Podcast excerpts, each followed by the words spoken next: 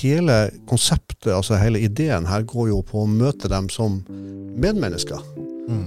Hvem er Petter Northug? Hvem er Aksel Lund Svindal? Osv. osv. Da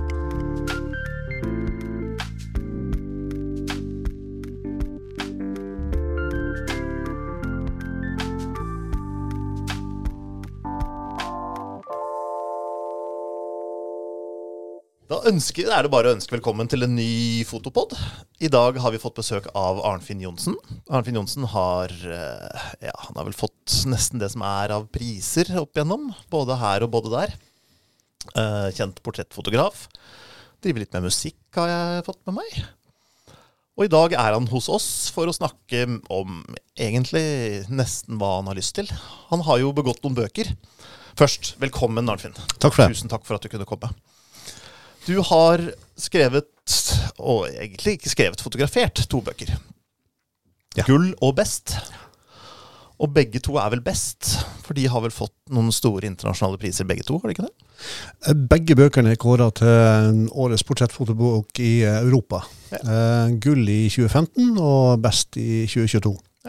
Men jeg har faktisk skrevet best også. Jeg har skrevet. jeg har skrevet alle tekstene der. Ja. Mm. Kan du fortelle litt hva De er jo ganske relatert disse bøkene, men kan du begynne med Gull, siden det er den eldste? Hva det er? Ja. Eh, det begynte faktisk eh, litt sånn en blanding av flaut og morsomt. Fordi at eh, i 1991 så sendte jeg et eh, forslag til eh, Lillehammer olympiske komité, altså LOK, om å portrettere alle nordmenn som har gull i OL. Og så skrev jeg f.eks. Bjørn Wirkola og Gjermund Eggen. Mm, sier du, og du reagerer ikke på det, fordi at ingen av dem har gull i OL. Vet du hva, Jeg er så ung jeg, at eh, jeg kan ikke huske jeg har hoppet Hvis jeg har hoppet noen gang, så er det veldig veldig lenge etter Bjørn Ja. ja. Så eh, kulturseksjonen på Lukk de reagerte ikke på det i det hele tatt. De det, de heller. Og 90% av eh, den norske befolkning tror at begge to har gull i OL, uten at de har det. Trodde du det, eller var det bare for å teste dem? Eller? Nei, jeg, tro- jeg trodde det faktisk. Ja. Ja, jeg var overbevist. Helt klart. Eh, Så, men eh, det gikk jo bra, da. De sa jo ja til prosjektet. Så i 92 så fotograferte jeg alle de 60 dalevende nordmenn som hadde gull i, i OL. Eh, reiste fra Midt-Troms til Tønsberg rundt omkring. Fotograferte alle. Det var en fantastisk opplevelse, det, altså. Hvor lang tid brukte du på det? Ca. et halvt år, tror jeg. Ja. Ja. Mm. Da har du ikke hatt så mange lørdagskvelder hjemme? Nei. Eh, for å si det sånn, så har ikke mine barn hatt en pappa som har tatt dem med på fisketur. Nei, er ikke Det har vært litt, litt mye jobb, da. Ja, det kan jeg levende forestille meg. Men boka kom jo ikke før i 2015. Nei, altså det kom ei bok i 93, før OL. Ei lita bok der Brikt Jensen skrev tekstene. Eh, men så, eh, like før Sotsji-OL, da, da kom den store boka Gull med 101 portretter. For prosjektet er jo fulgt opp hele tida etter 1992. Så eh, nå har jeg vel gjort en 120 olympiere og 85 paralympikere, så det er jo over 200 portretter til sammen. Og det er jo blitt en, en skattkiste, fordi mange av de eldste har jo gått bort. Ja. Så de ville vært umulig, det ville vært Ja. umulig å starte det prosjektet i dag. Ja. det er jo en både idrettshistorie og kulturhistorie, fordi at jeg tenker at uh, idrett er jo veldig mye av hvem vi er i Norge, og hvem vi vil være i Norge. Så uh, ja, den har mange verdier, pluss at det er helt uten tvil et kunstprosjekt. Mm. Nå er ikke jeg noe sportsinteressert, og det kan jo kanskje være derfor, men jeg tenker jo kan man ikke, Er ikke idrettsfolk, og særlig vinnerne, noen av de mest portretterte, og mest fotograferte og mest intervjuede og omtalte? Kunne du ikke gått til NTBs arkiver og hentet det der, og spart deg titusenvis av kilometer med reising og Eh, jo da, det, det hadde vært fullt mulig. Men ehm, altså, jeg er ikke interessert i de bildene der de går over mållinja, eller biter i gullmedaljen, eller står på toppen av pallen. Altså, hele konseptet, altså hele ideen her, går jo på å møte dem som medmennesker. mm. Hvem er Petter Northug? Hvem er Aksel Lund Svindal? Osv. så Um, sånn at hele tida så, så har jeg på en måte gjort mitt aller beste for å klare å møte dem som medmennesker. Hvem de er som person. Altså det er ikke, det er ikke prestasjon som er poenget, men presentasjon. Mm. Og det er to vidt forskjellige ting, altså. Jeg har bladd gjennom boka en del, og ingen av bildene er, av de jeg så i hvert fall, øh, noen av utøverne i en idrettssituasjon. Er det bevisst fra din side, eller er det dem som har valgt det selv, eller hvordan har du plassert disse menneskene? Det er veldig bevisst fra min side.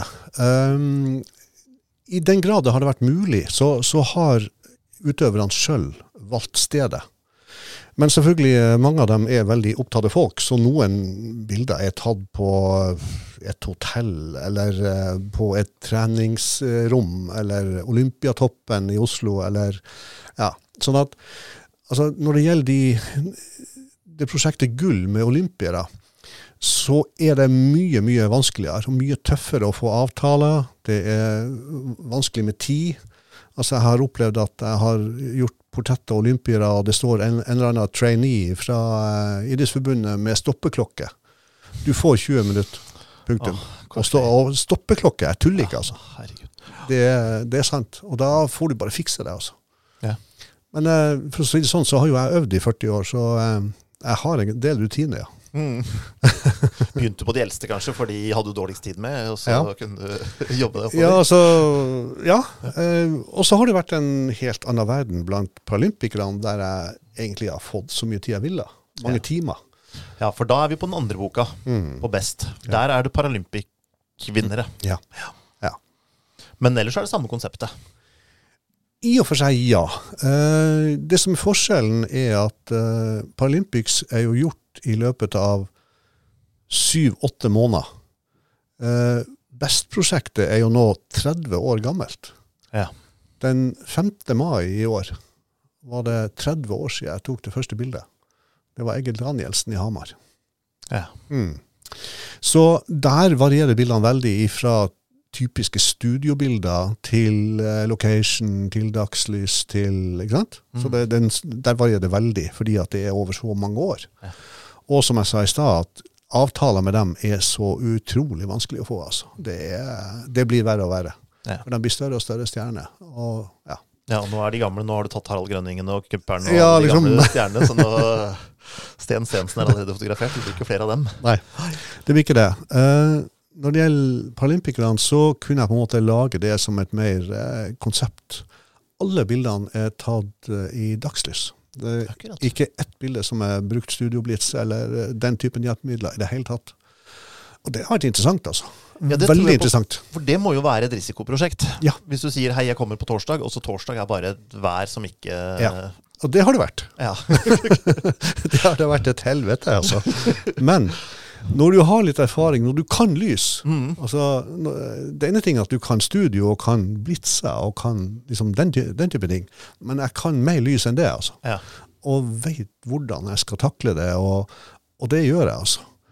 Eh, så nå har nok jeg gått mer og mer over til en stil der Altså Hele livet mitt har jo vært i et fotostudio med det, det tunge artilleriet. ikke sant? sant? Mens nå så er jeg mer og mer over på håndholdt kamera og eh, dagslys. altså. Ja. Og det er veldig frigjørende. Jeg opplever det som veldig frigjørende. Fantastisk deilig å jobbe med. altså. Og det er veldig vakkert lys. Hvis Det kan kan være det. veldig vakkert hvis, Ja. du, hvis det treffer, og du Ja. som, som deg vet hvordan man bruker det. Ja. Men da bruker du diffusere og parasoller og reflekt, refleksskjermer og masse ting. Mm, Jeg har med meg én reflektor på en diameter på én meter. That's Ja, it. Er- that's it. Akkurat.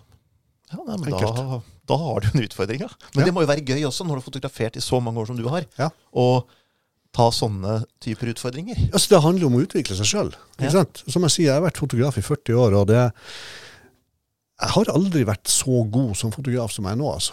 Nei. Det For at jeg tør, å, jeg tør å hoppe i det. Altså, jeg er ikke redd for å hoppe ut av studio og hoppe ut i noe som jeg aldri har gjort før. Nei. Og det er utviklende. Rett og slett. Du må skjerpe deg veldig altså, for å takle det. Og da må det jo være veldig tilfredsstillende å få internasjonale priser for Ja, det er den samme prisen. Det heter Hva er den heter? European Portrait Book of the Year. Ja. For to bøker på rad. Ja. Etter å ha drevet på i 40 år. Ja, og der sitter jo de beste kunsthistoriske professorene i Italia. Eh, det er universitetet i Roma. Det er italienerne som har ansvaret for den konkurransen. Og, og det, det er folk fra universitetet i Roma som sitter på det. Så det er ikke noe, sånn, det er ikke noe hvem som helst som sitter og, eh, og vurderer de bøkene. Så og å klare det double på den der, det er ikke så verst, altså. Nei, også så bra såpass langt ut i karrieren. fordi altså Sånn som idrettsstjerner, de når jo toppen når de er 22. Ja. Ikke sant? Og derfra går det bare nedover. Det må jo være litt synd når de blir 30 og er pensjonister. Ja. Eh, så sånn sett er livet lettere for fotografer. Ja, Det finnes jo ingen fasit, det gjør ikke det. Altså, men mitt inntrykk er jo at svært mange fotografer, altså portrettfotografer, hvis vi snakker om de som har levd det livet som jeg har levd, da, med bryllup og familier og litt reklame og sånne ting, de når en topp når de er i 30-årene. Og så går det sakte, sakte nedover, for da blir det en sånn 9-5-jobb. Og det, det har det aldri vært for meg, altså. Nei. Aldri. Eh, det er Det er livet mitt, og det er en livsstil, det er en måte å leve på. Men det kommer vel an på om du gjør det som jobb eller som lidenskap. Altså For de fleste så er det jo en lidenskap, men etter hvert så blir det en rutine å ta enda et firmaportrettserie og enda et bryllup. Mens det kreative som du ønsker å skape, fotokunsten, det gjør man gjerne utenom. Hvis man ikke er genial nok til at man kan kombinere det, selvfølgelig. Og da blir det vel Det ene blir jobb og blir kanskje dårligere og dårligere, og det andre blir kanskje bedre og bedre. Eller hva tenker du om det? Jeg tenker at jeg prøver å gjøre mitt beste uansett. fordi at jeg skal ikke gjøre det samme. Neste uke så skal jeg portrettere en advokat. Et advokatkontor. Og det blir ikke sånn Aksel Lund Svindal-portrett. Nei. Det blir det ikke. Fordi at det har en spesiell hensikt. Det skal brukes en spesiell, på en spesiell måte. Og det skal serve kunder i første rekke. Og da må man være seg bevisst sin rolle. Altså hva er jobben min da? Da er det en helt annen jobb. Men den skal ikke være noe dårligere. Nei. Det skal den ikke være, altså. Lurer du da på hva kunden ønsker? Altså Snakker du med kunden tett om det, eller bare Ja. prøver du deg fram, og så ser du Nei, jeg snakker ganske tett med kunden om Ja. det, altså. Det gjør jeg. Og det er viktig, altså. Den mm. kommunikasjonen der er Altså å få en, ha en ordentlig dialog der. Det er veldig viktig, altså. hvordan, hvordan definerer du et portrett? Hva er egentlig et portrett? Ja, jeg har en definisjon av det. Eh, altså, jeg tenker at La oss ta utgangspunkt i uh, Josef Kars sitt bilde av Winston Churchill. Um, bildet av bulldoggen Churchill. Det var tatt i 1941. Uh, England ble bomba sønder og sammen av tyskerne, og de holdt på å tape krigen. De var i deep shit, for å si det sånn. Og Winston Churchill hadde akkurat da holdt sin berømte tale 'Blood, Sweat and Tears', like før det portrettet ble tatt. Så kommer, så kommer Churchill inn. Eh, alt var klart. Lyset var satt. Eh, tester var gjort. Eh, Josef Kars var eh, klappet og klar. Så kommer han inn der med sigaren i munnen, stor, tjukk bestefar, smilende, koselig gubbe. Ikke sant? Sånn som alle vil ha til bestefar. Men det var ikke det Kars ville ha. Kars ville ha bulldoggen. Ikke sant? Og da er han altså så tøff. Da går han bort til Churchill, og så bare nappa han sigaren ut av kjeften på han. Tilbake til kameraet, og så Der satt den. Da kom bulldoggen. Og det var jo det han ville ha. Ikke sant? Og det OK, da skal jeg komme til poenget nå. Eh, fordi at det viser én side av Churchill. Men Churchill var også far. Han var sønn. Han var bror. Han var bestefar. Han var alkoholiker. Han hadde store psykiske problemer. Han var psykiatrisk pasient. Og han var kunstmaler. Du kan ikke få det i et bilde, vet du. Nei. Det går ikke. Etter hvert var han uh, nobelprisvinnende forfatter. Ja. Og, ja. Så jeg tenker at uh, hvis du klarer noe som er karakteristisk for et menneske Hvis du får inn noe karakteristisk for en person, da har du lykkes. Mm. Du klarer jo ikke å Man ta, få, få alt i ett bilde, liksom. Går. Mange tror at bilder ikke lyver, men om de så ikke lyver, så viser de jo bare fotografens versjon av sannheten i et 125 del sekund. Ja. Så Ja. man får ikke alt inn da. Nei, altså Det er jo fotografens temperament inni det. Og hvis det ikke er fotografens temperament inni det, så er det jo totalt uinteressant. altså. Da er det jo bare en avbildning. Bildene i boka og portrettene er jo veldig forskjellige. Og de er tatt over 30 år, så det er ikke så, så veldig rart, sikkert. Men uh, er det du, når du har mulighet, er det du som velger litt setting, eller er det den du portretterer? Altså, jeg ser f.eks. Hjallis sitter med hatt og skjerf og ser Mm. koselig ut. Mm. Uh, Johan Olav Koss ser ut som en teenager fra 50-tallet. eller Elvis, eller et eller annet. Koss er forresten veldig glad i det bildet. Han syns det er så bra. det er ganske morsomt. Det synes jeg også. Nei, altså Resultatet er fotografens ansvar. Det er mitt ansvar. Mm. Uh, slik at uh, ja, en uh, dialog er selvfølgelig mulig, men de avgjørelsene som blir tatt, de er mine. Mm. Alltid mine. Altså, hvor tas det, i hvilken setting, hvilke klær, hvilket uttrykk, hvilket lys, og til slutt da, hvilket bilde velges. Det er aldri noen andre som får lov til å komme inn der, i den prosessen der, altså. Den er min. For det kan ikke de noe om. Nei, men hvis Koss ikke ville bli avbildet i skinnjakke og, og fettsleikt hår, så hadde han jo ikke blitt det. Nei, selvfølgelig ikke. Nei, nei, det sier seg selv. Så, så der, ja, der er en dialog, men de viktige avgjørelsene, det er fotografen sitt ansvar, altså. Mm. Rett og slett. Ja. Best tar jo for seg i stor grad folk vi ikke kjenner. Vi kjenner jo han på forsida, Cato Zahl Pedersen. Mm. Men ellers så er det jo ikke veldig mange paralympia, paralympiere Mm. som vi egentlig har noe nært forhold til, sånn som vi har til de vanlige OL-gullvinnerne. Og derfor så tenker jeg at det er kanskje på mange måter en viktigere bok. For du dokumenterer folk som er der i dag, men som kanskje ikke er der om ti år. Ja. Uh, og som trenger det på en helt annen måte enn uh, enn gullvinnerne. Best er det viktigste jeg har gjort i mitt liv som fotograf, og det er det beste også. Ingen tvil om det, altså. Eh, før jeg starta, så visste jeg kanskje navnet på tre. Mm.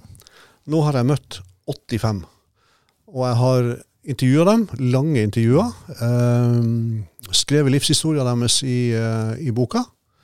Og vi driver også på å lage en film. Så dokumentarfilmen om Best-prosjektet den kommer ca. til jul. Oi.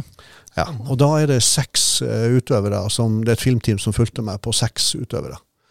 Så, uh, og der også går det jo litt ut på det å fortelle livshistorien deres. Altså. Mm. Og det er utrolig sterke historier. Det er så mange historier om spesielt bilulykker. Altså. Ja. Jeg, jeg tror jeg over halvparten er bilulykker. altså. Og så er det litt sånn, eh, ja, litt fallskjermhopping, og eh, på de eldste så er det polio. Ja, nettopp. For noen Ja. er såpass gamle også. Ja. Mm. Så der er noen skjebner og noen livshistorier her som er ganske fa fantastiske. Ja, det var en talidomid der, så jeg, og så er det jo en høyspentmast på forsida. mm, Så det er, det er mange skjebner der. Det er, ja. absolutt. Og bildet er jo tatt der ulykka til Cato skjedde. Det er det også, ja. Ja. nettopp. Det han tok meg med dit. Oi. Det er en veldig fin eh, scene i filmen, altså, når vi kommer dit, der Mm. ulykka skjedde.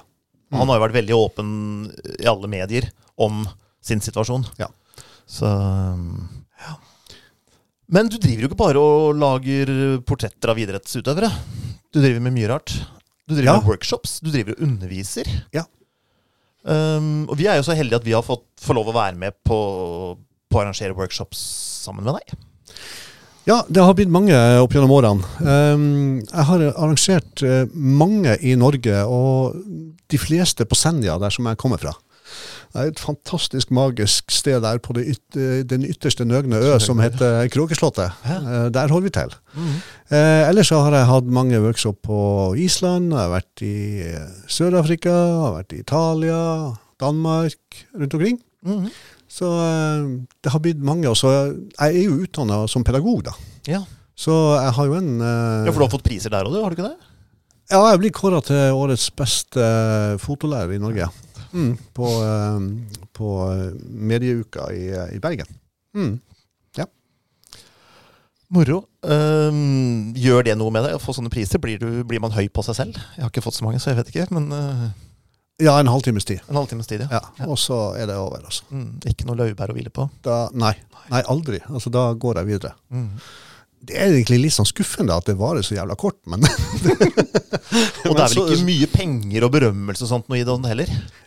det finnes jo ikke noe penger i det. Nei, og du får ikke Newsweek på døra. Nei, altså Jeg ble jo kåra da også altså Det datt jo ned i hodet på meg nå i vår. Eh, årets eh, sportsjournalistpris Oi.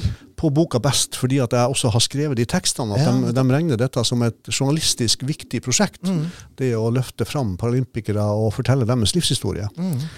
Eh, Der var det faktisk penger. Ja. Så det var en veldig hyggelig eh, middag med ledelsen i Idrettsforbundet, og Gerhard Heiberg var der, og sjekk i lomma, og for en gangs skyld. Og du fikk ikke regninga til slutt, så sjekken gikk bare Nei, alt var Middagen var inkludert. Ja, veldig fint. Så bra. Hva holder du workshops i? Er det naturfoto, er det portretter, er det alt mulig rart, eller? Ja, jeg har jo workshops på litt forskjellige nivåer, da. Altså, den, den som blir eh, nå i mai, eh, den handler mye om eh, landskap, bildekomposisjon, det å takle lys. Og så, og så går det også på sånn grunnleggende portrett. Um, og der, det er en workshop som sikter ganske bredt. Altså det er sånn som omtrent alle kan bli med på. Og der, da er det også en del sånn teknisk undervisning, litt sånn bildebehandling og Det blir et litt sånn how to do it-kurs også. Mm. Så der tror jeg nok at mange sånn, som er litt på vei, eh, har stor glede av det. Ja. Um, så kommer det en workshop i begynnelsen av august, og den er litt annerledes. Det er en masterclass. Og da uh, sikter vi etter um, fotografer som behersker kameraet sitt, som kan dette med lukker og blender og ISO og alt det der. Uh, optikk og sånn. Uh, og som kan sin bildebehandling. Der er det svært lite teknisk eh, undervisning. Det går stort sett på det kreative. Rett og slett altså på fotografiet som et kunstnerisk eh, uttrykksmiddel. Men selvfølgelig går vi dypt inn på portrettet der. Det gjør vi altså. Det er, det er jo det som er på en måte, det er jo det som har vært mitt liv. Mm. Så uh, vi går veldig dypt inn i uh, portrettet, hvordan, hvordan du gjør det, altså. Så du er konkurrent til Morten Krogvold, du altså, egentlig? Ja, det er helt opplagt. Mm. Ja. Mm. Mm. Det trives jeg godt med. Hva gjør du akkurat nå, altså i disse dager? Nå er boka ute, og den er ferdig priset, og Ja. du går videre, regner jeg med? Ja, det er opptil flere ting. Um, jeg driver og jobber litt med å få utstillinga best videre. Så jeg er i eh, Den har jo stått nå nesten et år på, eh, på Maihaugen, på OL-museet der oppe. Mm. Um, så jeg er i dialog med flere visningssteder, flere, flere gallerier, om å vise den. Det er en del av jobben. Eh, rent sånn eh, matnyttig så er jeg jo inne i en stor eh, eh, reklamekampanje for Mesterbrevnemnda. Der jeg fotograferer håndverksmestere. Der vi profilerer på kvaliteten av skikkelig håndverk. Mm. Så her om dagen så var det en hovslagermester. Det var utrolig spennende, altså. Hvordan de skor om en hest. Akkurat. Jeg har jo aldri sett det, vet du. Jeg har ikke peiling. Nei, det er ikke så mange som gjør det. Nei, to timers foto, og eh, veldig lærerikt. Det var kjempespennende, altså. Jeg var på foreldremøte på skolen i, til barna mine i forgårs, og der fikk jeg vite at det fins som linje på videregående skole, faktisk. Hovslager. Ja. Det kan du utdanne deg til på videregående. Ja. Mm. Men det er ikke så mange som gjør det, tror jeg. kan man leve av dette her? Altså, det kan du jo sikkert leve av, akkurat den biten der. Men man blir vel ikke rik av å begå sånne bøker som dette? Nei. Uh, men uh, min gode venn Leif uh, Helge Preus sa til meg at eh, du er en av de få fotografer som behersker både børs og katedral. Det vil si at jeg klarer å finansiere prosjektene mine. Og det må jeg jo. Mm. Altså, jeg kunne ikke kjøre Jeg kjørte 21 000 km i bil Mm. på BEST-prosjektet. Jeg reiste fra Kirkenes til Kristiansand. Og ingen som betalte 3 kroner og 50 Og eh, jo, Det var jo det, ja. det var fullfinansiert. Ja. Så da hadde jeg Altså, det tok meg fem år å få det finansiert. Mm. Um, det løsna når Idrettsforbundet endelig sa ja. Det kom en ny ledelse i Idrettsforbundet. Kåss kom inn i ledelsen og, osv. så videre. Så først fikk jeg et stipend derfra, og da kom de andre stipendene etterpå. Ja, Og Det er ofte sånn nøkkelen til å få finansiert sånne ting. Altså Får du én med på laget, Mm. da er det mye lettere å få de andre. Ja. Det er sånn, ja. Men som sagt, det tok fem år å få det finansiert, for jeg måtte ha ei årslønn. Ja. Og det fikk jeg. Ei god ei. For å reise rundt og ta det prosjektet. Ellers så hadde jeg ikke gjort det. Altså, jeg, ikke, altså, jeg har ikke økonomi til å ta meg fri fra jobben, og det kan jeg ikke, altså. Det er ikke så mange som har det. Nei, Nei. det er ikke så mange som har det. Er det, en, er det lettere å få stipender når du har et navn og mye å vise til, eller er det vanskeligere fordi du er unnskyld uttrykket gammel? Eh, det er vanskelig å gi et konkret svar, et sånn absolutt svar på det, fordi at eh, visse, hos visse I visse kanaler, da, så er det med navnet altså, altså de har sagt til, Noen har sagt til meg at du får penger, for vi vet du leverer alltid. Altså, jeg, det er steder jeg har fått penger i mange mange år til mange små prosjekter. Og de sier at det er så mange fotografer som er sånne drømmere, som uh, tror at de skal få til ditt og datt, og så blir det aldri noe ut av det. Men du leverer alltid. Du, får, du kommer alltid i mål med dine prosjekter. Derfor så er det ikke så vanskelig for deg å få penger. Ja, sant? Så det tror jeg er en, på en, en sånn nøkkel, at uh, hvis man legger seg ut på et sånt prosjekt, så du kan ikke gi deg halvveis, altså. Det, det går ikke. Så du har altså tatt alle som har vært i live så lenge du har drevet med prosjektet? Ja. Det er ingen som har sagt nei, eller ingen som har Én paralympiker i Bergen har sagt nei. Én. En. Det var en dame, og diskuterte saken litt med Cato Hall Pedersen, for han har jo vært sentral i prosjektet, min kontaktperson inntil Idrettsforbundet. Og vi ble enige om at ok, da får det bli sånn. Du kan ikke presse noen til å bli med. Har hun sagt nei, så har hun sagt nei, og da Og Hvis dere lurer på hvem det er, så er det bare å kjøpe boka, gå gjennom hele lista, finne lista over alle paralympikere som har vunnet gjennom tidene, og så finner dere ut hvem som ikke er i boka. Ja. Mm. Jeg har ikke flere spørsmål. Er det noe du brenner for å fortelle om som vi ikke har gått gjennom? Ja. Uh, jeg skal fortelle dere en nyhet som ingen vet om. Oi, spennende. Det er en ganske stor en. Oh, wow. Ja. For du spurte om hva, hva jeg jobber med nå. Og nå har jeg starta med en uh, ny greie. Ehm, det er et eh, likestilt paralympisk og olympisk æresgalleri på Bislett stadion. Oi. Og det er jo, som jeg nevnte i stad, jeg har jo over 200 bilder. Så da har jeg fått med meg Idrettsforbundet har sagt ja, og kommunen, Oslo kommune har sagt ja, og Bislett-alliansen er med. Så nå er vi da inne i en sånn eh, eh, periode der det begynner å jobbe med finansiering. Mm. For det blir ikke spesielt billig. Altså under, under uh, tribunene på Bislett så er det et utemiljø. Det er jo ikke lukt inn. Nei. Sånn at det blir like kaldt der som det er ute om vinteren. Uh, Det verken regner eller snør inn dit, men det er et, det er et tøft miljø. Mm. Så det må jo opp spotlys, og det må produseres på en helt spesiell måte. Det blir ikke bare vanlige bilder, liksom. Så um, jeg er forberedt på at det kommer til å ta kanskje to år, kanskje tre-fire, og få det finansiert opp før vi kan begynne med det. For igjen, det hadde vært så kjekt å ha kjempegod økonomi så jeg bare kunne gjort det, men det har jeg jo ikke. Nei, ikke sant. Så da skal det altså henge opp Er det da disse bildene Ja. fra disse bøkene? Ja. Ja. Som skal henge på Bislett. Skal det være en permanent sak, da, siden det skal koste mye og ta mange år? Den er permanent, ja. Ja. Og eh, det skal også lages et etterbruksfond, slik at eh, Altså, jeg kommer jo ikke til å leve evig, dessverre. Eh, det skal inn en ny fotograf etter hvert, og, og vi tenker et etterbruksfond slik at det er finansiert nye fotograferinger frem i tid. Slik at når det kommer nye vinnere, så kommer det nye bilder på Bislett. Og det er veldig god plass der, så det er plass til mange. Det er altså. ikke sånn at Du må flytte alle sammen tettere og tettere? Eller, eller så er det jo mange runder på Bislett stadion, som kjent, Ja. så det går an å bare ta en runde til. Ja, det er, det er veldig god plass. Mm. Det har vi sjekka ut og vært der på befaringa. Så det blir veldig spennende. Er dette et område folk flest har adgang til, så folk kan Ja. komme og se det? Eller Ja. er det sånn hvis du kjøper billett, og, eller er det noen trener, eller Nei da, eh, der er det adgang, og vi tenker jo selvfølgelig formidling, og vi tenker forbildeaspektet blant både OL og Paralympics. Eh, Det er mange som trenger sånne forbilder. mm. Eh, Slik at, og vi tenker formidling til skoler og idrettslag og ja, i det hele tatt.